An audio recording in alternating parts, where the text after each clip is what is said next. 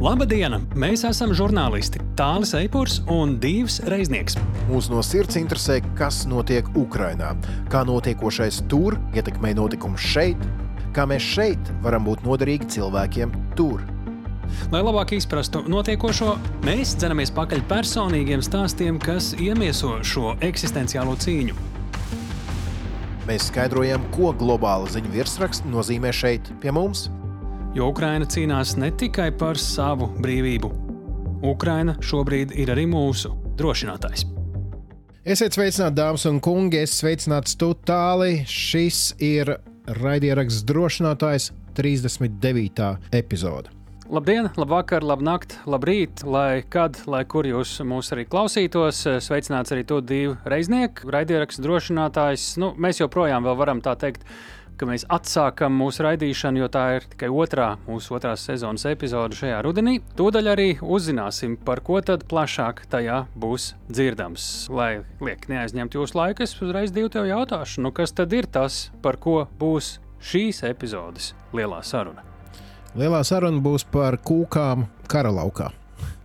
Un uh, gluži burtiski par kūkām, kūciņām, saldumiem, par to, ka arī esot uh, tranšajā, tev ir vajadzīgs kāds prieciņš, kas liek kaut nedaudz noņemt domas no tā, kas tev ir jāizdara kaujas laukā.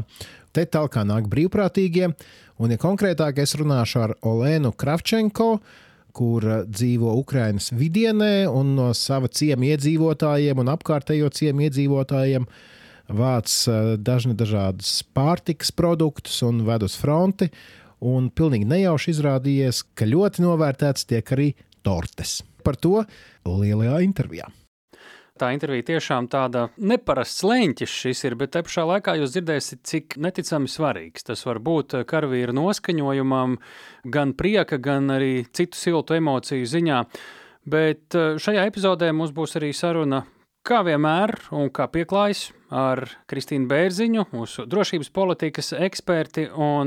Šoreiz mēs eh, viņai vaicāsim, ko tad nozīmē Britu paziņojumi, ka viņi grasās patrulēt Melnajā jūrā, lai gādātu par Ukrainas graudu kuģu drošību. Tāpat arī par to, ar kādām bažām jāraugās uz Putina un Ziemeļkorejas līdera Kima Čenuna tikšanos, kura jau ir notikusi.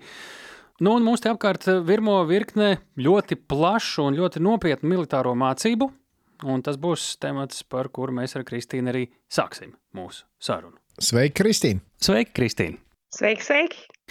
Ja mēs iepriekšējā rudens sezonas atklāšanas epizodē atskatījāmies, ko mēs varētu būt palaiduši garām šajā vasarā, tad tagad gan vairāk pieķersimies šīs nedēļas šo dienu tiem karstākajiem starptautiskās drošības notikumiem. Ar mieru! Ar mieru. Nu, ko, tas, kas mums notiek šeit pat eh, durvju priekšā, ir lielākās mūsu pašu valstī ikgadējās militārās mācības eh, namēs. Taču tas, ko varbūt mēs mazāk pamanām, jūrā arī pie mūsu piekrastes, arī plaši manevri. Tiesa gan Rīgas ostā mēs šajās dienās varējām redzēt veselu rindu kara kuģu. Tas tika demonstratīvi parādīts sabiedrībai, bet šīs nav vienīgās aktivitātes, kam būtu jāpievērš uzmanība. Viena antiaktivitāte, ja tā var teikt, kur nenotiek atšķirībā no daudziem citiem gadiem, ir Krievijas, Baltkrievijas superplašās mācības Zapad. Taču viena lieta, kam īpaši jāpievērš uzmanību, ir Melnajā jūrā notiekošas militāras mācības, kur centrā ir Ukraina un ASV un arī apkārtējās Melnās jūras valstis, izņemot Krieviju, protams, un arī Gruziju tur nav dzirdēta. Ko tad eh, nozīmē šī lielā aktivitāte, kā mums to tulkot, ko tas nozīmē mūsu drošībai un arī reģionu un Ukrainas drošībai? Kā tu teikt, Kristīna? Nu, mācības ir ārkārtīgi svarīgas un nepieciešamas mūsu reģionam, mūsu drošībai. Par mācībām tieši bija skaidri rakstīts Viļņas NATO samats deklarācijā, cik ļoti nepieciešami būs tagad visām NATO dalību valstīm kopā trenēties un izspēlēt scenārijus, kā mūsu reģionu un kā visu NATO teritoriju pasargāt no uzbrukuma, piemēram, no Krievijas. Un šobrīd Baltijas jūrā notiek mācības 3200 jūrniekiem no 14 valstīm, 30 kuģi. Tik vērienīgas mācības, kurās tieši izspēlē blokāžu un citus jautājumus, kuri varētu būt aktuāli kara gadījumā.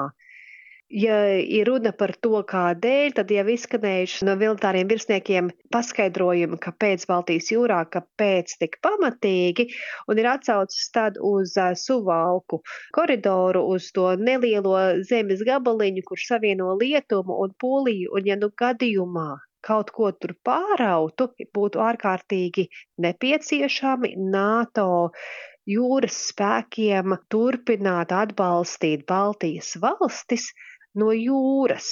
Bet kā tas izskatās un kā tad sanāk kopā visas nepieciešamās valstis, lai faktiski iespējamo blokādi novērstu? Un šīs mācības Baltijas jūrā vada Vācija, bet piedalās vistuvākā sabiedrotās valstis no mūsu reģiona, bet arī no tālākiem reģioniem. Piemēram, piedalās Kanāda, Francija, arī prieks redzēt, ar cik lielu spāru un arī signālu parāda Maskavai, ka nevajag domāt, ka NATO kaut kādā ziņā ir aizmigusi, ka NATO aktīvi trenējās un ir kaujas gatavībā, ja nu kaut kas nāktu no Krievijas puses. Un, ja skatās, ka paralēli notiek mācības Melnajā jūrā, kuras tad mums ir tās jūras, kuras ir visapdraudētākās mums kā NATO valstīm, tās ir Baltijas jūra un Melnā jūra. Melnajā jūrā mēs esam daudz runājuši par graudu tirgu nogriešanu, par nepārtrauktiem uzlidojumiem, un arī turpina krist droni tieši uz Ukrainas un Rumānijas robežas Donavas upes krastā ir nevis runa par kilometriem no NATO teritorijas, bet par metriem. Un ir pat arī dronu daļas, kuras ir iekritušas Rumānijas teritorijā. Tāpēc īpaši svarīgi strateģiski šobrīd ir nodrošināt Rumānijas robežu, Donavas upi un Melno jūru, un tur tajās mācībās piedalās arī Ukraina, ārkārtīgi būtiski, kā arī ASV, Lielbritānija, Bulgārija, Turcija un citas NATO valstis no reģiona. Tāpēc, ka tikai kopā sanākot, NATO valstis un NATO karavīri iemācās arī krīzes situācijā sakarīgi, spējīgi kopā cīnīties ir ļoti iespaidīgi tas, ka NATO valstis spēja abās jūrās kopā mācīties, trenēties, lai nepieciešamības gadījumā būtu gatavas novērst kādu uzbrukumu. Un svarīgi arī parādīt, ka to ir iespējams paveikt vienlaikus, nevis eh, izsvaidīt NATO uzmanību pa vienu vai otru reģionu. Bet paliekot pie Melnās jūras, skatāmies, ka Briti pavēstījuši par nodomu patrulēt eh, tieši virs Melnās jūras, tieši Britu gaisa spēki, lai gādātu par Ukraiņu labības kuģu drošību. Ļoti nopietnas mājiens Krievijai, ka jūs te vairs nevarēsit bakstīt Ukraiņu kuģus, jo Krievi, mēs zinām, ir pateikuši, ka arī Ukraiņu labības kuģi tiek uzskatīti par militāriem mērķiem. Kāpēc no Britu puses šāds uh, solis tiek spērts? Kāpēc ne tie paši amerikāņi vai pieminētie vācieši, kas šeit Baltijas jūrā vada mācības, vai itāļi, kur cīnās ar migrantiem no nabadzīgās Āfrikas? Uh, ko tas nozīmē? Lielbritānija ir pēdējā pusotrā gadā izrādījusi lielu atbalstu Ukrainai, savā ziņā pat ambiciozāku vai drošāku atbalstu nekā citas sabiedrotās valstis. Britiem varbūt nav tik daudz ko dot, cik ASV, bet Briti ir arī ļoti spējīgi un var rādīt piemēru citiem, kā varētu palīdzēt Ukrainai Un citi pēc tam arī sako, ka bija runa par tankiem, piemēram, tad arī Briti bija ļoti nozīmīgi un rādīja to, ka, ja Briti dos, varbūt citi arī, citas lielvalsts arī drīkstēs Ukrainai dot, ka varbūt tā iedomātā sarkanā līnija Krievijas ir vairāk citu valstu līderu galvās, nevis kaut kas, kas faktiski pastāv. Un mēs redzam arī šajā gadījumā, ka Lielbritānija vismaz publiskajā telpā, cik ir zināms, ir ar mieru palīdzēt nodrošināt graudu pārvadājumus. Bet arī tā nav garantija visiem kuģiem, tā nav garantija ka graudu pārvadājumi varētu turpināties. Tā ir iesaiste, bet šajā jautājumā arī pastāv eskalācijas risks, kādēļ iespējams citas valstis nevēlās piedalīties šāda veida gaisa telpas nodrošināšanā iespējamā eskalācija Melnajā jūrā mēs jau esam redzējuši kopš pagājušā gada februāra. Ir bijuši gadījumi, kad Krievija ļoti agresīvi uzvedās pat notriec bezpilota lidmašīnas no NATO, no ASV. Cik zināms, tad šobrīd ir citām valstīm ir daudz piesardzīgāka pieeja nekā Lielbritānijai. Līdz ar to šeit mums diezgan nopietni jāskatās uz priekšu, kas notiek reāli praksē. Es to uztvertu drīzāk par tādu nelielu taustīšanos. Cik drīkst palīdzēt, ko drīkst darīt gaisā virs Melnās jūras tāds pārbaudījums arī no Brita puses, vai drīkstam, vai tiksim galā, kā tas izskatīsies. Nav pavisam skaidrs, ko drīkst, kurā momentā un ko nedrīkst, un kāda būs Krievijas reakcija.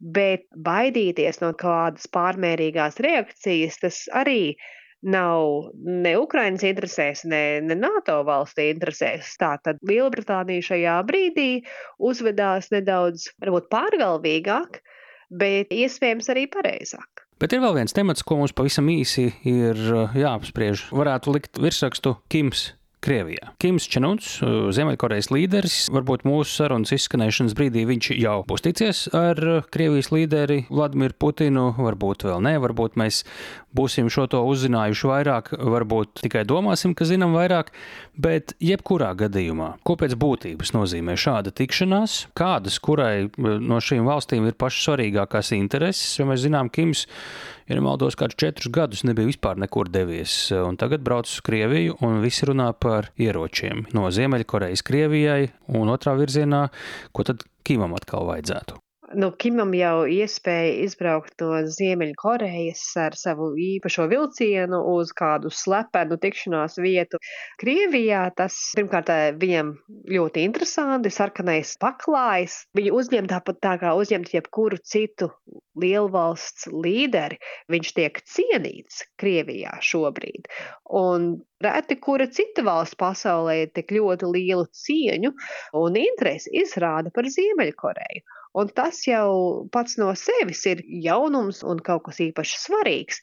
Normalizējās Krievijas attieksme pret Ziemeļkoreju, normalizējās iespējams arī citu valstu attieksme pret Ziemeļkoreju. Tas ir piemērs. Ā, tā drīkst. Drīkst tagad draudzēties ar Ziemeļkoreju. Drīkst uzsākt atkal kādas tirzniecības saiknes. Drīkst stutēt Ziemeļkorejas ekonomiku. Protams, tādas valsts, kurām ir liela ekonomiskā sadarbība ar rietumiem, ar Eiropu, ar Eiropas Savienību, ar ASV, protams, nevēlētos uzsākt tirdzniecības saiknes ar, ar Ziemeļkoreju, jo tad varētu būt ļoti nopietnas sankcijas. Bet tādām valstīm, kurām nerūp iespējamās sankcijas, kuras cenšas atrast citu ceļu, tām varētu interesēt šis piemērs, kā Krievija pie sevis piesaista iepriekš atstumtos un kā neņem galvā to, ka varbūt tā nebūtu smuki. Vai tas savā ziņā varētu aizskart Krievijas prestīžu, ka apsiest BRICS samitā Putins nevarēja piedalīties, ka tādi augsta līmeņa ciemeņi nemaz pie viņa nebrauc un tagad jāuzņem Ziemeļkoreju.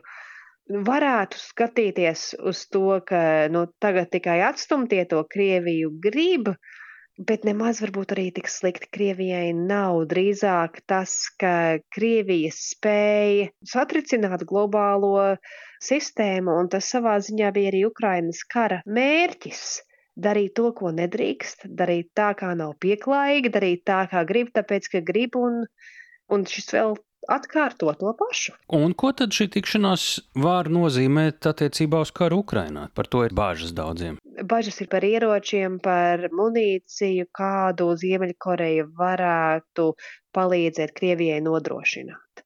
Ziemeļkorejā viss kaut kas trūkst, bet militārā jauda tur ir. Un Krievijai Ziemeļkorejas palīdzība varētu ļaut ilgāk cīnīties Ukrainā. Tas Ukrainai visnotaļ nāktu pa sliktu. Tāpat kā Irānas šahada droni ir gan nozīmīgi kara laukā, gan bīstami, bez tiem karš varbūt citādāk izskatītos, un, un ar Ziemeļkoreju tāpat, jo ilgāk Krievija ir spējīga kaut ko spridzināt Ukrainā un šaut, jo ilgāk Krievija iespējams vēlēsies turpināt karu, jo mazāk ir ko šaut, jo agrāk būs jādomā par to, ka varbūt tā nevajadzētu darīt. Un tālūk, tieši militārais atbalsts Krievijai un, un sadarbība militārajā telpā ar jebkuru valsti Ukrainai nāk par sliktu. Bet cik lielas ir tās Ziemeļkorejas iespējas, cik liels tas draudz var būt Ukrainai, vai tas var būt līdzvērtīgs tiem pašiem Irānas droniem, par ko runā starptautiskajā sabiedrībā?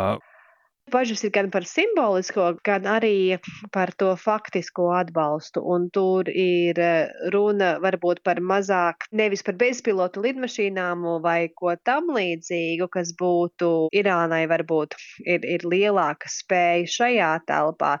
Bet šajā karā ir ļoti svarīgs tieši apjoms. Cik daudz var katru dienu šaut un cik daudz var katru dienu spriedzināt. Un jo vairāk Krievija spēj šaut, jo vairāk Ukrainai ir jāšauj pretī, jo vairāk ir visiem sabiedrotiem un Ukrainas palīgiem jāsagādā un jāražo. Šaujam pulvers, piemēram, pat tas arī ir būtisks. Nevajag visglaunāko lidmašīnu, nevajag viss sarežģītākās tehnoloģijas, bet jebkāda palīdzība un principā jebkas, kas arī sprākst, var būt nozīmīgi šajā karā. Artilērijas lādiņi, patronus šautenēm un tā tālāk. Jā, tas, kas ir lēts un vienkārši arī ir ārkārtīgi nozīmīgs. Diemžēl, un tieši tāpēc mēs sekosim līdzi ne tikai tam, ko pasaka līderi pirms vai pēc šīs tikšanās, ja vispār kaut ko pasaka, bet arī kādas ar laiku var parādīties liecības par kaut vai to pašu Ziemeļkorejas ieroču piedalīšanos karā Ukrainā. To laiks rādīs. Sakām lielu paldies tev, Kristīna, un tiekamies jau pēc nedēļas. Uz sadzirdēšanos pēc nedēļas.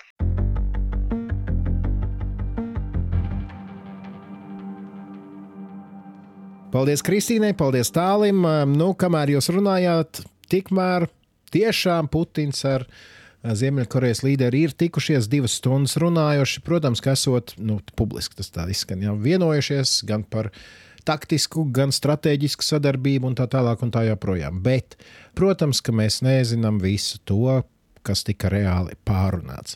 Rietumu eksperti bažījās par to, ka Ziemeļkoreja varētu piešķirt Krievijai uh, kaut kādu militāru atbalstu. Un es zinu, Div, ka tu tiešām arī esi apkopojis. Es tev lūdzu, uh, es tā kā ar Kristīnu to jautājumu neizrunāju, un mēs arī to uh, rūpīgāk neizpētījām. Bet tiešām, jā, cik tad, nu, paskatāmies uz pasaules kartes, nu, ko tāda Ziemeļkoreja it kā varētu tur daudz palīdzēt. Bet uh, laikam tik maziņa militāro iespēju ziņā viņi nemaz nav. Ja? nu, tad pāris minūtēs mēģināsim šo jautājumu atrisināt. Tātad problēma ir tāda, ka Krievijas-Ukrainas karš ir lielā mērā artērijas karš. Pēc dažu rietumu speciālistu aprēķiniem Krievija gada laikā izšauja aptuveni 10-11 miljonus artērijas šāviņu. Kur ir problēma? No Krievijas puses skatoties, problēma ir tāda, ka viņi saražo daudz, daudz mazāk. Cik tieši neviens īsti nevar pateikt, bet publiski paziņojumi ir nākuši klajā, sakot, ka Lūk, Krievija tagad uzlabos uh, savu militāro ražošanas kapacitāti, un tad viņi varēšot saražot divus miljonus artērijas lādiņu. Jā, tā tad iztērē 10, 11 gadā, bet kaut kad drīzumā varēs saražot no aptuveni 2 miljonus. Tad vismaz 5, 6 gadi ir vajadzīgi, lai saražotu to, ko viņi šobrīd iztērē vienu gadu laikā. Tā tad problēma tā ir. Kāds ir risinājums? Risinājums, ja mēs paskatāmies piemēram uz Ukrajinu, kur arī nespēja saražot tik daudz, cik viņi iztērē, tad Ukrainai ir gana liels uh, draugu pulks, uh, koalīcijas partneri, kas piegādā Ukrainai um, dažādus gan ieročus, gan lādiņus un tā tālāk un tā joprojām. Tā skaitā Latvija. Krievijai šo draugu lokus ir daudz, daudz mazāks. Mēs zinām, Irāna viņiem piegādā dronus, kas terorizē Ukrainas teritoriju. Tāpat tiek runāts, ka Irāņi varētu piegādāt raķetes balsiskās, bet par tām vēl par tām nav šobrīd runa. Nu, mēs, protams, vienmēr ar lielu jautājumu zīmi skatāmies uz Ķīnu, kā tieši cik daudz un ar ko tā, cik atklāti vai paklusām, diemžēl, un tomēr Krievijai palīdz. Tas, protams, arī ir šajā sarakstā. Tā kā to nav jāņem vērā. Jā, jā, bet tas ir kā Kristīna arī teica, šķiet, arī pagājušajā nedēļā, ka Ķīna tomēr ir ļoti uzmanīga, jo tā ir aktīva globālās ekonomikas dalībniece. Ja? Un tieši atbalsts Krievijai nu, vismaz acīm redzam, pagaidām tā to izvērtē kā nevēlamu. Vismaz tādu publisku un, un ļoti redzamu atbalstu Krievijai. Bet, nu jā, kas tad paliek Kremlim, no kā izvēlēties? Paliek Ziemeļkoreja. Jā, kā tu pieminēji, visai neliela valstiņa, bet, eh, ja mēs paskatāmies uz tiem militāriem tēriņiem, ko viņi tērē, tiesot apmēram 2 miljardi dolāru gadā, un tas ir viena ceturtā daļa iekšzemes koprodukta. Nenormāla summa, nemo, nenormāla proporcija, pareizāk. Nu, ja mēs paskatāmies uz armiju, viņiem esot ap 6000 tanki, ap 10,000 bruņu transportieru, vairāk kā 2000 eh, zenītraķešu palaišanas iekārtu. Taču, kā zinātnē runā, tad par šīm iekārtām šobrīd nav runa. Uh, Ziemeļkorejiešiem nav arī nekā supermoderna, ko piedāvāt. Bet ir runa tieši par artērijas uh, lādiņiem. Tie var būt arī ļoti veci, bet galvenais, ka tie ir piemērojami un izmantojami ar tām iekārtām, kas šobrīd ir Krievijas rīcībā. Tā teikt, sociālistiskais mantojums. Jā. Tieši tā. ASV apgalvo, ka Kremlis esot gatavs iepirkt principā visu, ko korejieši būtu gatavi pārdot, iedot vai iemainīt. Pret ko iemainīt, eh, tiek runāts par to, ka kodola programma kaut kādā veidā varētu tikt studēta no Krievijas puses. Nu, bet ne par to šoreiz. Par konkrētiem cipariem, cik to artērijas šāviņu lādiņu tur ir, arī neviens īpaši nevar tā galvu likt ķīlā. Toties uh, interesanti ir, ja mēs tagad padomājam, kad sākās Ukraiņas karš, visi domāja, o, varenā Krievija ar vareno armiju, paskatāmies papīru, cik tā liela ir. Ko mēs redzējām realitātē, ka bieži vien tanki ir uh, sapūši, motori ir pārdoti, korupcijas rezultātā un tā tālāk un tā joprojām. Tāpēc noslēgumā pavisam neliels ieskats uz vienu konkrētu uh, situāciju pirms 14 gadiem, kad Ziemeļkorejieši raidīja apmēram 170 artērijas šāviņus uz vienu no Dienvidkorejas salām. Vēlāk noskaidrojies, ka vairāk nekā puse šāviņu nav sasnieguši salu, bet ir nu, nokrituši kaut kur blakām. Bet piektā daļa no tiem šāviņiem, kas trāpīja šai salai, nesot sprāguši. Tātad runa ir par vai nu sliktu kvalitātes kontroli ražošanas procesā, vai arī neatbilstošiem glabāšanas apstākļiem.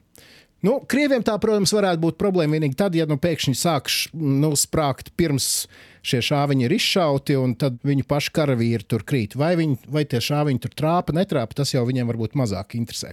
Nu, lūk, ko tad kopumā dzirdam no ekspertiem par to, kāda tad varētu būt ietekme tam, ja Krievi tiešām tiktu pie Kima artērijas lādiņu klāsta. Kara gaitu tas nemainītu, bet pagarinātu konflikta ilgumu. Starp citu, Tieši šādus pašus vārdus nedēļas nogalē izmantoja arī Putins, runājot par gaidāmajām rietumu F-16 lidmašīnu piegādēm Ukrainai. Tas tā, fun fact.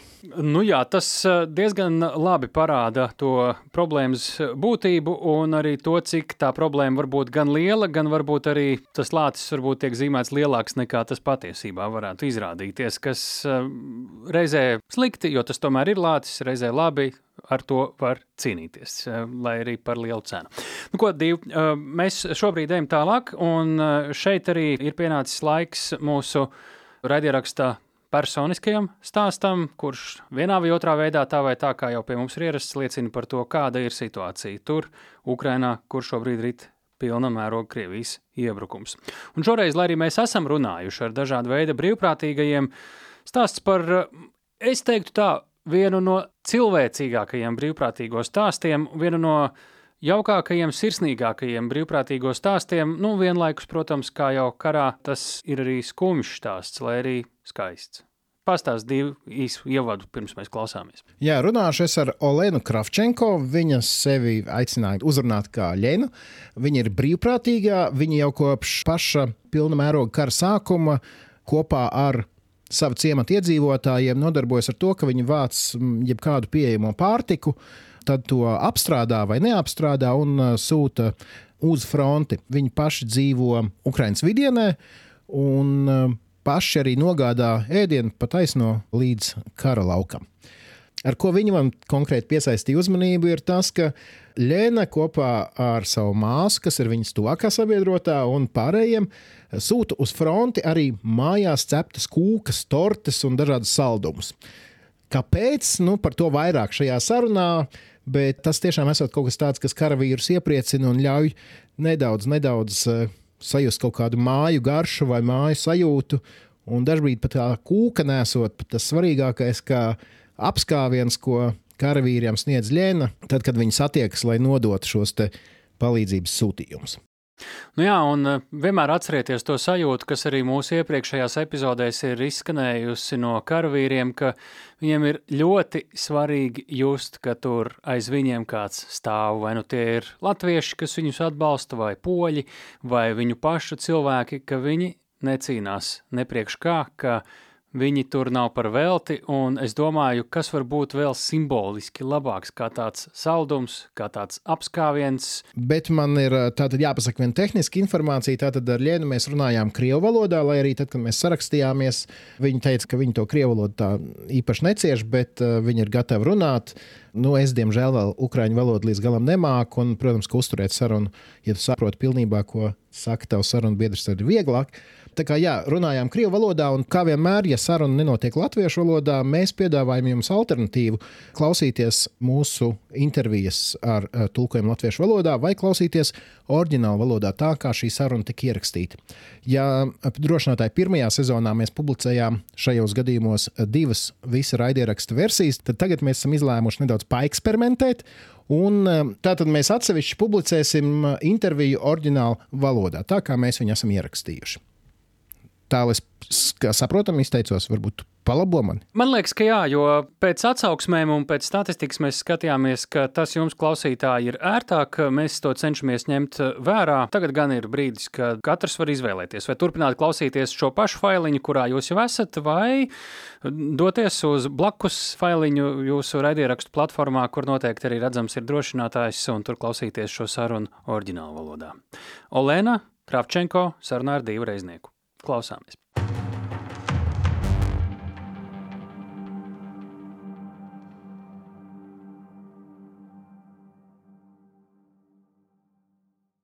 Здравствуйте, Лена. Labdien, Лена. Здравствуйте. Расскажите, пожалуйста, лūdzu, pastāstiet mums vissvarīgāko par sevi. Сейчас, наверное, для большинства украинцев самое главное – это выбрать нашу победу. Vissvarīgākais šobrīd droši vien lielākajai daļai Ukraiņu ir izcīnīt uzvaru. Tagad mana darbība vērsta uz to, lai nodrošinātu, ka uzvara atnāk pēc iespējas ātrāk. Tā kā esmu sieviete, kārot īsti nemāku. Man ir divi bērni, divi dēli, un es nolēmu, ka man pareizāk būtu strādāt kā brīvprātīgajai, palīdzot militāru personām. решила, что для меня будет правильно работать здесь. Здесь мы работаем волонтерством, мы помогаем. Es oficiāli esmu Labdarības fonda Dublina brīvprātīgā, taču konkrēta mana darbības joma ir pārtika. Mēs savācam pārtikas palīdzību un nododam to mūsu militārpersonām, mūsu aizstāvjiem frontē. Ваша история, наверное, такая же. Jūsu stāsts iespējams ir tāds pats kā miljoniem citu ukrāņu, kuri, ja nevar cīnīties, tad meklē citus veidus, kā varbūt noderīgi. Reizi, полезным. Правильно? Да. Нас многих... Jā, daudziem no mums ir šāds moto. Ja neesi ZSU, tad esi priekš ZSU. Tam mēs tagad dzīvojam. Угу. Знаете, мы общались с разными волонтерами. Ziniet, mēs te drošinātāji esam runājuši ar dažādiem brīvprātīgajiem. Gan tādiem, kas gādā ēdienu frontē, gan tādiem, kas glābj dzīvniekus, gan mediķiem, kurjeriem un citiem. Taču jūsu stāstā man piesaistīja tas, ka uz fronti bez citām lietām vedat arī kūkas. Pastāstiet par to, lūdzu, kā tas viss sākās. Torti. Расскажите мне про это, пожалуйста. Nu, nu, tas notika ļoti spontāni. Sūtījām uz fronti pīrāgus, prāņikus, dažādus cepumus, peķi, dārziņus, un kādu dienu mana māsa man saka, Klau, Liena, mums tur vienam puisim drīz būs dzimšanas diena, vai nevarētu sagatavot viņam ko saldu? Un no tā brīža tas arī sākās. Regulāri sūtam puišiem dzimšanas dienas kūkas, ja laika apstākļi atļauj, tad sūtam arī bez iemesla. И не всегда и с днем рождения, если погода позволяет, мы передаем их зимой, просто напекаем Это все у нас получается так, что с домашнего мы делаем, потому что это все Tas ir īstas mājas kūkas, mūsu saimniecītes, cep mājās un sūta uz fronti. Tiešām viss sākās spontāni un nekad nedomājām, ka tas pieņems šādus apjomus. Tagad puiši jau tiešām gaida šos saldumus, sūtījumus un sveicienus no mājām. Таких передачек, эм, приветов с до- из дома. Нет какое-то специальное имя? Как... Jums karēvi jau nav devuši iesaukas, nu, tur kūku dāmas, piemēram, vai kā tam līdzīgi. Э, У нас есть такая хорошая помощница Анжела. И вот мы Mums ir viena laba palīdze Anžēla, un, ja viņa atved, mēs pirms sūtīt tālāk vienmēr uzrakstam tortīti no Anžēlkas vai kūciņu no Vikas. Un tad karavīri jau iztēlojas, kāda tā Anžēlka ir, jo redzējuši viņu nav, bet tortītes ēduši gan ir un slavēja kā ļoti gardas. Domāju, ļoti daudzi karavīri jau labi zina un ir iemīlējuši mūsu Anžēlku pēc kūkām vien. и любят ее. Вот так. Ну, мы подписываем тортик медовый, сто процентов фартовый там или... ну, Uz iepakojuma rakstam ne tikai mēdus kūka, bet pierakstam arī kādu dzējolīti, piemēram, lai viņi redzētu, ka tā nav vienkārši torte, bet tās radīšana un nogādāšana tiek veikta ieguldot visu sirdi. Как бы сказать вот так. Uh, Есть какие vai ir kādas labākās receptes vai vispieprasītākās kūkas? Очень любят медовики, Наполеоны. Viņi ļoti mīl mēdus kūkas, napoleonus, mīl arī biskvītus. Bija pat tāds gadījums. Māsa bija atpakaļ ceļā no brauciena, viņu apturēja kontrolpunktā un jautāja, vai var atvest Napoleona plāksnītes, jo tad paša viņa apsmērēja to ar krēmu. Teica, ka kolēģiem tuvojas dzimšanas diena un nekādīgi nevarot dabūt šīs plāksnītes. Tā kā jā, puišiem neskapēc visvairāk garšo tieši mājas medus kūkas un Napoleoni. Такие Наполеоны и медовики, пацаны, че- почему-то домашние. Они получается так, что э, эти, ja šīs kūkas ir tik gardas, nesanāk tā, ka tālāk par komandieriem tās nemaz netiek, jo ir jau apēstas. Нет, э, дело в том, что Nē, fakts ir tāds, ka masa uzstādīja tādu principu: uz štābu kūkas nevedam, vedam pa taisno mūsu aizstāvjiem frontē. Sazvanāmies, viņi piebrauc pretī un sūtījumus nododam no rokas rokā. A как э, близко к фронту? Cik tuvu frontei tādi brīvprātīgie kā jūs pietuvojaties? Насколько я знаю, самое близкое было 17 километров. Cik zinu, tuvākais, kas bijis, ir 17 km no pašas frontes līnijas. Так что к вам подъезжает, tātad pie jums piebrauc, lai jums tur nebūtu jāsēž tranšajās, ja? Дело в том, что вот все наши защитники, они очень бережно и очень переживают, когда мы к ним едем. Lieta tāda, ka visi mūsu aizstāvji viņi ir ļoti uzmanīgi un ļoti noraizējušies, kad mēs pie viņiem braucam. Un, ja tobrīd apkārtnē ir trokšņaini, mūs dzen prom, sakot, ātri vācāties prom, jums te nav ko darīt. Bet, ja viss ir mierīgi, tad varam braukt. Līdz tranšējām neesam braukuši. Parasti sarunājam tikšanas punktu, kur var piebraukt gan viņi, gan mēs, un lai viss paiet klusi un mierīgi. Тихо и спокойно. Вот. Как вообще меняется, kā karā mainās dzimšanas dienas nozīme? Ну, нам вот здесь, э, в тылу, для нас сейчас дни рождения это ничто, это не праздник. Мы все ждем победы, чтобы потом мы могли праздновать и, и дни рождения, и победу. Mums šeit aizmugurē dzimšanas diena nav nekas, tie nav svētki. Mēs visi gaidām uzvaru, lai tad arī varētu svinēt gan dzimšanas dienas, gan uzvaru. Bet karā, kad tu tur aizbrauc, saproti, ka tur uz visu skatījums ir pavisam citāds. Tur tu nezini, kas notiks rīt, un vai vispār būs rītdiena, un tev ir jādzīvo vienu dienu. Un, ja mums izdodas tur ierasties un nodot to pašu kūku no mājām, ar mājas siltumu, ar dažām mūsu pašu emocijām, mēs par to esam ļoti priecīgi, un arī puiši ir ļoti priecīgi. Tāpat tur ir arī meitenes mediķis, kuram arī esam sūtījumus veduši. Es nezinu, kā jums to izskaidrot, bet tur viss ir citādāk. Uz visu skaties no cita leņķa, un viss tiek vērtēts citādāk. Tā pati kūka, ja tev tā ir mājās, nu labi, ir, ir, nav, nav, bet tur tā vērtība ir pavisam Те cita. самые вот сейчас начался сезон яблоки, там сливы, груши. Piemēram, tagad ir sākusies ābolu, plumju, bumbieru sezona. Mājās mēs to īpaši pat nepamanām. Dzīvojot ciemā, tie āboli krīt no kokiem un guļ zemē. Mēs tos pat nepamanām. Nu, lai tur viņi guļ, bet kad aizvedam šos mājas ābolus puišiem uz fronti, viņi tos paņem un pirms ēst. Vispirms ievelk nāsī sābolu smaržu un izbauda to ar prieku tad tu saproti, ka tur viss tiek vērtēts nedaudz citādāk nekā šeit, aizmugurē. Вот все оценивается немного не так, как сейчас у нас здесь, в тылу. Vai nē, tā vai nē, karš ir karš. Visu laiku tu droši vien nevari būt vienā saspringumā. Tev vajadzīgs arī iemesls nedaudz atslābināties, novērst uzmanību. Tā sanāk?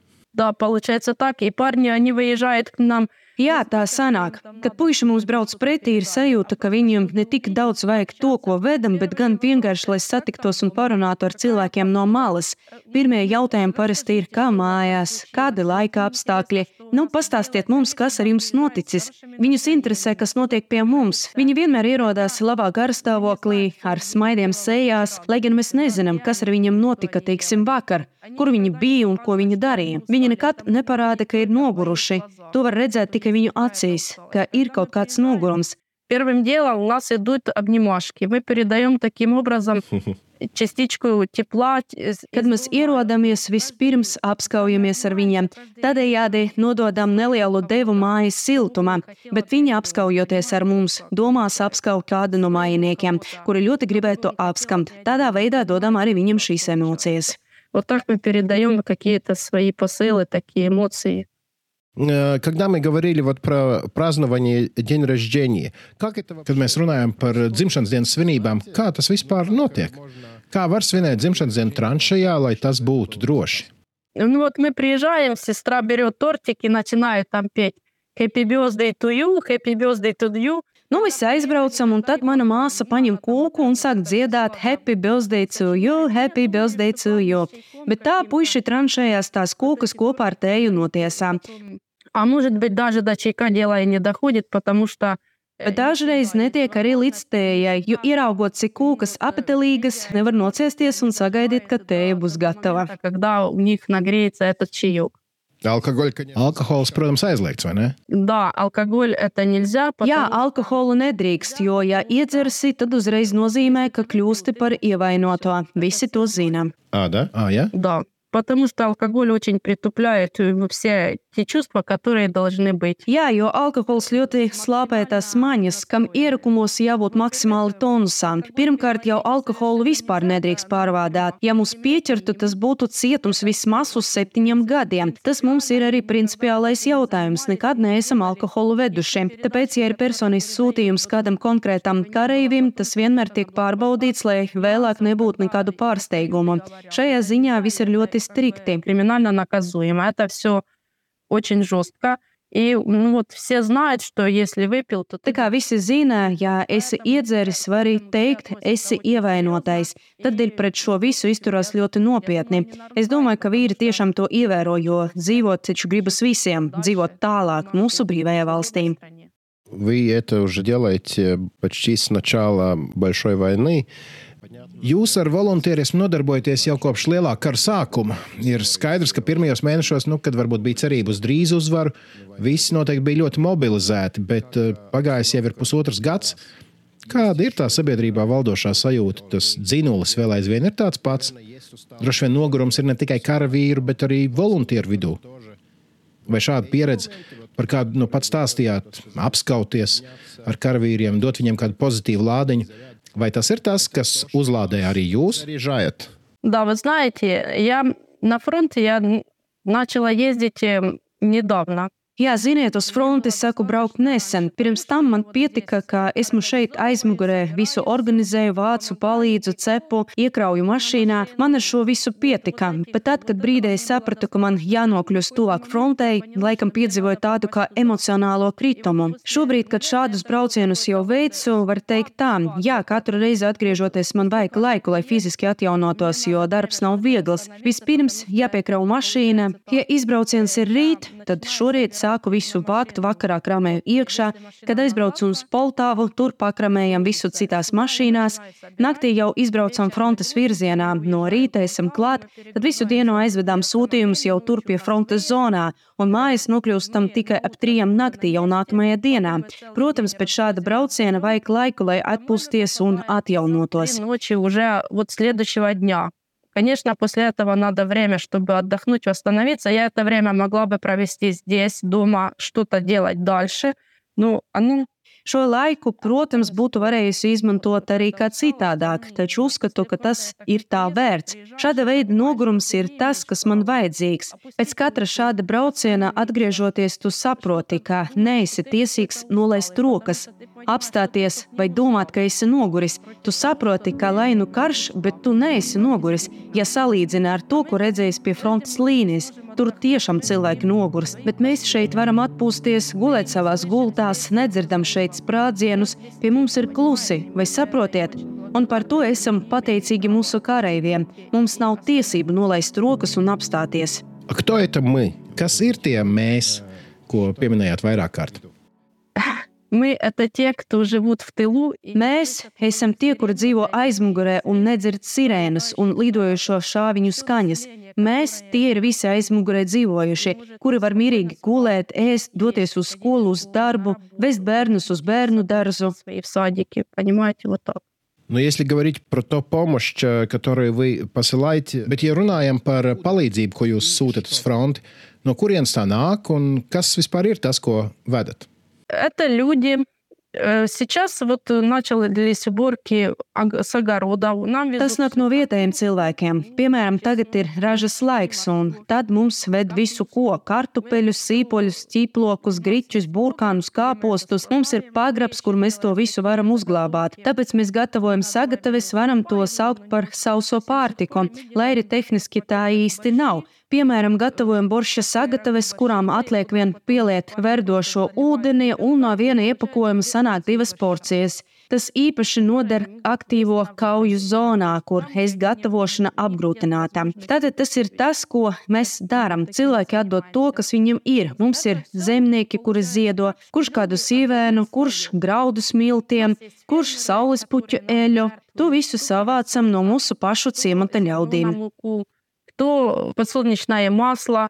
Вот это все мы собираем по обычных людях, которые живут у нас в деревне. I kā вам žертвовали tam, un kā jums ziedoja pirms pusotra gada vai gada, tā arī tagad ziedo katrs, ko var? Ну вот в начале войны, конечно, все было более масштабно. Nu, kara sākuma, protams, viss bija vērienīgāk, bija vairāk. Tagad starp ziedotājiem palikuši tie cilvēki, kuri patiešām saprot, ka, ja jūs nepalīdzēsiet, nekas nenotiks. Patiešām mums ir cilvēki, kuri karu izliekās neredzam. Diemžēl tas tā ir. Mēs varam tikai cerēt, ka tā ir minoritāte un lielākā daļa saprot, ka ir jāpalīdz armijai. Armija. И сейчас у нас тоже есть такие люди, которые жертвовали и нам в начале войны, и сейчас они жертвуют так само. Ir cilvēki, kuri ziedoja gan kara sākumā, gan arī tagad. Gan lauku saimniecības, gan lielie fermeri, gan visparastākie cilvēki, kuri vienkārši katru mēnesi ieskaita noteiktu naudas summu. Pat ja nesaku, ka man to vajag, viņi regulāri veic pārskaitījumus, nevaru beigt pateikties šādiem cilvēkiem. Ir arī cilvēki, kuri ved pārtikas produktus, negaidot, kad to prasīšu. Mums ir tāda viena noliktava, kur cilvēki vienkārši pie durvīm atstāja to, kas viņiem ir un brauc prom. Es atnāku un mans uzdevums jau ir tikai to visu sadalīt. Все распределить по местам. Мгм.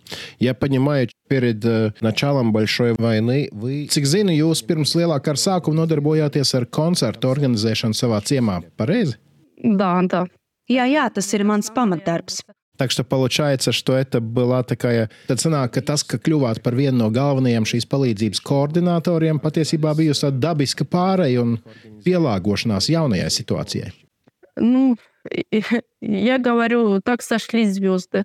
Nu, es saku, ka tā vienkārši sakrita zvaigznes. Laikam kādam tur augstāk vajadzēja, lai tieši es būtu tā, kura mūsu ciemā saktu šo organizēt. Начала все это организовывать у нас в деревне. Мгм. А почему вы не уехали из Украины? Kāpēc jūs nepametāt Ukrainu? Мы это даже не рассматривали. Mēs pat neapsveram šo iespēju.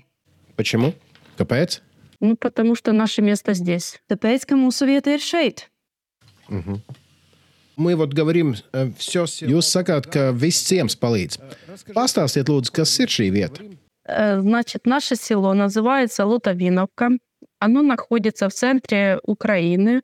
Это Кременчугский район, Полтавская область. Ну, Mūsu ciematu sauc par Lutavinovkam. Tā atrodas Ukrainas centrā. Tas ir Kriminčukas rajons, Poltavas reģions. Nu, šeit Kriminčukā ir Dņepras upe, kas tā sanāk Ukrainas sadala labajā un kreisajā krastā. Tā kā atrodamies Ukrainas centrā. Mūsu ciemam palīdzības vākšana palīdz arī kādi 11, 12 apkārtēji ciemi. Ir tādi, kuri mums produktus ved regulāri un esam kļuvuši par tādu kā pārkraušanas punktu, no kura jau vedam visu tālāk. Ir arī tādi, kuri mums kaut ko veda regulāri, atved, tad uz kādu laiku pazūd, tad atved atkal kaut ko. Tā kā jā, pie mums mums nonāk ziedojumi no 11, 12 ciemiem, ko pēc там сутам tālāk. И передаем это все помощь дальше. Ваше волонтерство это ну, такое очень локальное. Sanāk, ka jūsu volunteerisms ir tāds ļoti lokāls, pareizi. Cilvēki no vietējiem sanāk kopā un dara, ko var. Вместе и вот делает то, что может. Nu, bā, mēs saviem izsīlēm. Nu, jā, mēs esam paši par sevi. Mūsu mērķis nav konkurēt ar kaut kādām lielajām organizācijām un neprasam arī kādu palīdzību, jo saprotam, ka tam ir ko darīt arī bez mums. Paši iztiekam saviem spēkiem, taču neteiktu, ka tas, ko daram, ir maz. Piemēram, pēdējā braucienā mums bija 38 izkraušanas punkti. Tātad 38 reizes mums atbrauca pretī, saņēma sūtījumus un sveicienus un aizbrauca atpakaļ uz frontes līniju jauniem. Tā kā jā, esam lokāls pasākums, bet kaut ko jau izdarīt spējam. А как вы вообще, un kā jūs izvēlaties, kurp doties? Этим занимается сестра, потому что она с самого начала ездит. Tas ir tas, ko dara mana māsa, jo viņa ceļo jau no paša sākuma. Viņa ir kontakti, puiši, kuriem tas ir vajadzīgs, viņa to visu uzrauga. Mans uzdevums vairāk ir savākt un sagrupēt lietas, pielādēt busu un aizvest, kur vajadzīgs. Вот так. Nu, тогда я понимаю, вот это все личные отношения. Tad sanāk, ka šis process veidojas personiskajās attiecībās. Karavīri jūs zina un var pateikt, kas viņiem nepieciešams. Смотрите, можете вы или нет, правильно? Ну да, она звонит, спрашивает Tam... Jā, viņa zvana, prasa, kas vajadzīgs. Ļoti bieži bez ierastās pārtikas viņa lūdz arī sadzīviskās lietas - lāpstas, skavas, cirvjus, dzirnaviņas, instrumentu komplektus. Šajā procesā ne jau mēs ar masu tikai iesaistītas, ir arī citi brīvprātīgie, kas tad meklē šīs lietas vai naudu, ar ko varētu nopirkt šīs lietas. Tāpat arī medikamentus vai pretodu līdzekļus vai mītrās salvetes, ko nu pat arī aizvedām. Tā kā katram braucienam gatavojamies ļoti rūpīgi. Насколько велика ваша деревня? Cik liels ir jūsu ciems? У нас зарегистрировано больше тысячи людей. Mums ir reģistrēti vairāk nekā tūkstots cilvēku, 1600, cik es atceros. Tātad pēc mūsu standartiem šis ir diezgan liels ciems. Когда большая война началась, kad sākās lielais karš, vai cilvēki pamet arī jūsu ciemu, vai lielākā daļa tomēr palika? Есть такие, которые уехали, Ir tādi, kas ir aizbraukuši, ir, nu, tāpat kā citur Ukrainā, taču vairākums palika. Когда оккупанты, kad okupanti 24. februārī ielauzās Ukrainā, vai viņi sasniedz arī jūsu ciemu? Нет, до нашего села они не дошли. Nē, viņi nesasniedz mūsu ciemu, lai gan šeit, tāpat kā citur, gatavojamies viņu atnākšanai. Šeit tika izveidoti kontrolu punkti, bloķēti ceļi un tika organizētas aizsardzības rotas. Mūsu vīrieši, mūsu vīri sanāca kopā, sāka nakts patruļas un bija gatavi dot pretrecienu, ja tikšanās ar iebrucējiem būtu notikusi. Mēs tam nopietni gatavojamies, tā skaitā taisījām molotova kokteļus un tam līdzīgi. Tas ir tas, ko viņi darīja sākumā. Tad Tad pamazām, kad uh, mēs sapratām, ka esam sākuši viņus atstumt, nakts dežūras ielās palika, vīri uzturēja kārtību, jo bija komandas stunda un bija jāuzrauga visa situācija. Kad mēs sapratām, ka viņi tobrīd līdz mums vairs netiks, visi nedaudz nomierinājās, atsāka darbus un sākam vākt palīdzību mūsu karavīriem. Вот когда мы поняли, что к нам они пока не попадут на то время, то все немного успокоились, начали уже дальше работать на победу в плане помогать нашим воинам. Вот так. Вы не в оккупации, вы не у самого фронта, но недалеко. Jūsu ciems nav okupēts, nav blakus frontei, lai arī tā nav ļoti tālu. Gribēju zināt, kā jūsējie izjūt to, ka notiek karš. Vai ir kritušie no jūsu ciema, vai ir vīri iesaukti armijā? Proti, kādas ir izjūtas vienā vienkāršā Ukraiņas ciemā? Tam uz Sibijā. Мы чувствуем, у нас в селе уже есть двое погибших, к сожалению. Izjūtam, no mūsu ciema karā krituši jau divi puiši. Diemžēl vienu mēs apglabājam tikai aizvakar. Tie ir jauni puiši, kuram visa dzīve vēl bija priekšā, bet viņu vairs nav ar mums. Mēs ļoti sērojam. Мы очень скорбим. Это были они в ЗСУ, да? Viņi bija karavīri, ja? Да, да, они были в ЗСУ. Jā, viņi bija armijā. Armijā iesaukti ir daudzi no mūsu ciemām, tā skaita mans vīrs. Arī tas man dod spēku turpināt darīt, neļauj apstāties, dot apziņu, ka jādara viss, lai mēs uzvarētu. Надо не останавливаться, надо делать все, чтобы наша победа была нашей победой. Nu, и какое настроение сейчас? Bet kāds ir noskaņojums? Nu, jums pašai, jūsu kaimiņiem, draugiem. Kāds ir noskaņojums vienā Ukraiņas ciematā? Э, У меня лично настроение не сдаваться. Personīgi es esmu noskaņojusies nepadoties, jo man nav tiesību padoties. Man ir divi dēli, kuri skatās uz mani. Ja pēkšņi kļūstu vāja, viņi uzreiz to sajūt, un arī viņu noskaņojums uzreiz kļūst tāds ne pārāk labs. Tētis tomēr arī iesaukts, lai arī šobrīd iziet apmācības. Dēli man visādi cenšas palīdzēt, un visa tā atmosfēra ir tā, ka mums vajag tikai uzvaru. Nekas cits nav svarīgs. Visi tie, kuri nav nolaiduši rokas un padavušies izjūt to pašu. Да, может быть, не так быстро, как нам бы хотелось, но наша победа будет за нами, и мы все не имеем права Jā, uzvara nenāk tik ātri, kā mums gribētos, bet uzvara būs mūsu, un mums visiem nav tiesību padoties. Mums visiem ir jāstrādā, lai uzvarētu, un jādara, kas nu katrs spēkos. Vedot mūsu sūtījumus, ļoti labi saprotam, ka, lai uzvarētu, mums ir vajadzīgi ieroči un labi ieroči. Mums vajag dronus, mums vajag, nu, lai uzvarētu, mums vienkārši vajag ieročus. Bet mūsu sūtījumi ir veids, kā mūsu karavīrus, mūsu aizstāvjus varam atbalstīt mēs, parādīt viņiem, ka viņi nav vieni. Esam kopā ar viņiem. Mēs visi esam kopā un darām, ko varam šīs uzvaras vārdā. то, что может для этой победы. Мы в Латвии тоже. Mēs Latvijā arī ļoti sekojam līdz tam, kas notiek. Latvijā ir daudz cilvēku, kurš ziedo, ved mašīnas, apģērbu, apavus, vāc naudas, droniem un tam līdzīgi. Tā kā ziniet, ka neesiet vieni. Так что знайте, что вы не одни. Спасибо вам большое. Спасибо. Liels jums paldies! Paldies! И мы очень желаем э, быстрейшую победу э, Украине. Un mēs ļoti vēlam Ukraiņai ātru uzvaru. Ukraiņa uzvarēs. Tas ir saprotams jautājums tikai kad. Tāpēc paldies par to, ko jūs darāt. Ziniet, ka esam kopā ar jums un tiksimies, kad karš būs galā. Встретимся, когда война закончится. Спасибо вам за вашу поддержку. Paldies par atbalstu! Paldies! Ziniet, šo atbalstu var sajust, un tas aizķer dvēseli. Mēs neraudam un aci neparmirkšņam, kad dzirdam par saviem pretiniekiem, bet ja mēs redzam, ka šī palīdzība nāk pie mums no ārzemēm, mēs varam apsēsties un raudāt, jo tas mums ir ļoti, ļoti dārgi, ka mēs neesam pamesti, ka mums palīdz ar to, ko katrs var. Liels paldies jums par to! Сесть и расплакаться, и потому что это очень, это очень дорого для нас, что нас не бросают, что нам помогают, кто как может помогает. Спасибо вам большое за это. Что вы хотели, jūs gribētu novēlēt sev? Скорейшей победы. Ātru uzvaru, lai visi atgrieztos mājās. Un es saprotu, ka tas nenotiks, bet es ļoti vēlētos, lai visi atgrieztos mājās dzīvi un veseli. И чтобы могли э, есть э, вкусные тортики уже дома. Un lai garšīgas kūkas varētu ēst nu jau mājās. Да. Jā, Ладно, labi. Дякую. Paldies jums. Дякую і вам.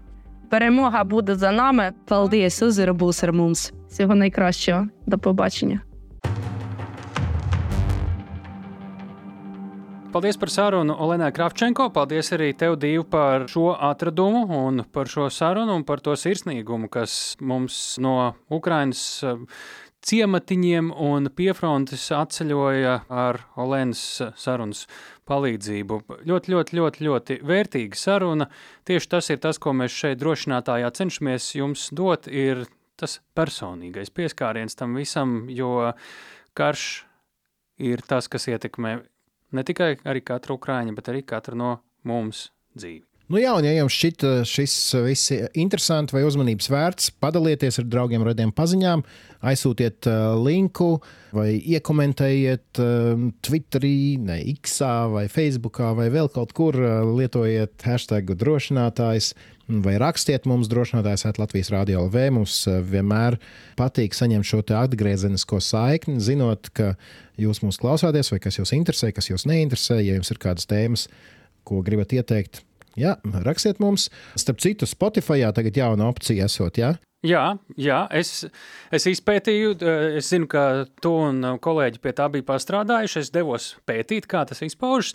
Tā nav reklāma, vienkārši šajā platformā tas ir iespējams, un uh, ņemiet to vērā, jo tur tagad var, tā teikt, tekstā pa diagonāli pārbraukt pāri šīs lielās intervijas un mūsu raidieraksta epizodes saturam un uzklikšķināt uz tās daļas, kuru jūs tiešām vēlaties klausīties. Un pašā beigās arī tur ir jautājuma atbilžu vieta. Noteikti varat ierakstīt arī šajā platformā savu vērtējumu, jautājumu, ierosinājumu, pārdomas priekš citiem klausītājiem. Arī tas šobrīd Spotify platformā ir iespējams. Bet es paskatījos, ka šī QA iespēja ir telefonā, bet ja lieto Spotify no parastā datora, desktop datora, tad es vismaz nepamanīju to iespēju. Tā kā telefonos droši rakstiet mums. Un LSMs, jā. Ja? Nu, protams, LSM LV tur ir visas epizodes pieejamas. Tur droši var katru arī noklausīties. Un, jāatgādina, ka viena ļoti liela daļa no mūsu sarunām arī ir lasāma. Arī visas iepriekšējās sezonas, un arī šie rolēnu. Tai arī jābūt lasāmai LSM LV. Ja jums lasīšana padodas eh, vienkāršāk un patīkamāk nekā klausīšanās, eh, nu, lai tā arī būtu, tad jūsu gadījumā ne tikai lasīšana, es eh, būšu sagatavojis arī bildītas ar tām slavenajām Lēnas kūkām oh. un citiem, citiem sūtījumiem, un redzēsiet mūsu varoni un viņas sabiedrotos vaigā.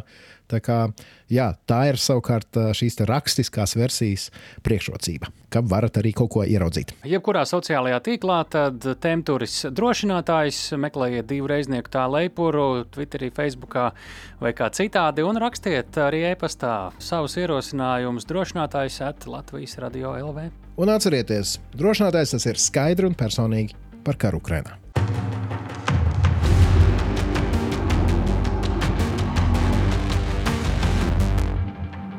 Raidieraksts drošinātājs.